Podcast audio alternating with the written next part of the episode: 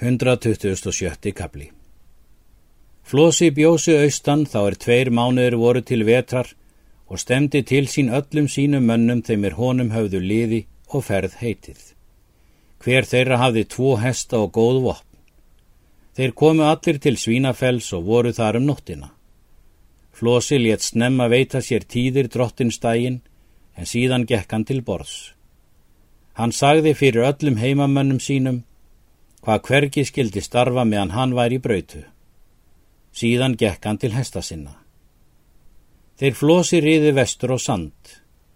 Flosi bað þá fyrst ekki all ákaftur í það og hvað þá hinn veg lúka mundu.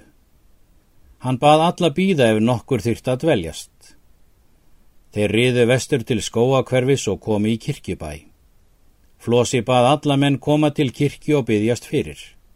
Menn gerðu svo.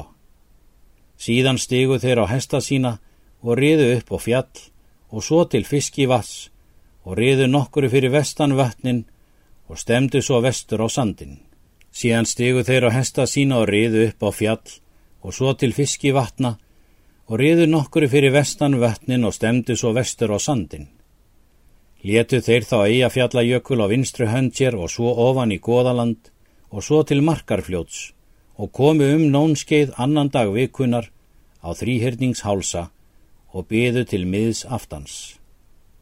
Komu þar þá allir nema ingjaldur frá keldum. Siffúsinir töldu á hann mjög en Flósi bað þá ekki ámæla ingjaldi meðan hann væri eigi hjá en þó skulum við gjalda honum síðar.